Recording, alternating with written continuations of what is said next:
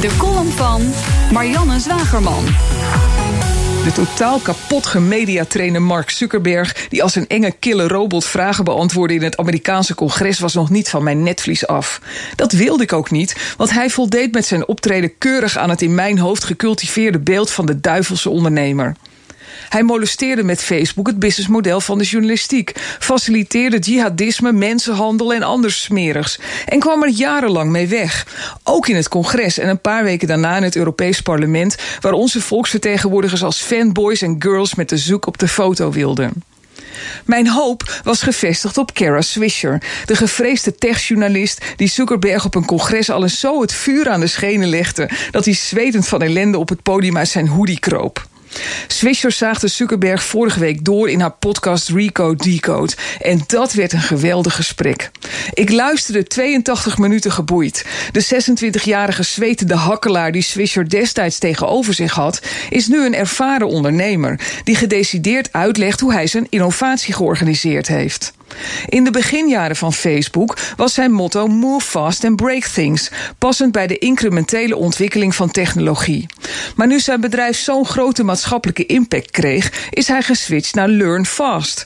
Waar hij in het congres nog klonk als een machine die sociaal wenselijke antwoorden opdreunde, geloofde ik Zuckerberg nu in zijn uitleg hoe en waarom hij alle uitglijders van Facebook binnen drie jaar heeft gefixt.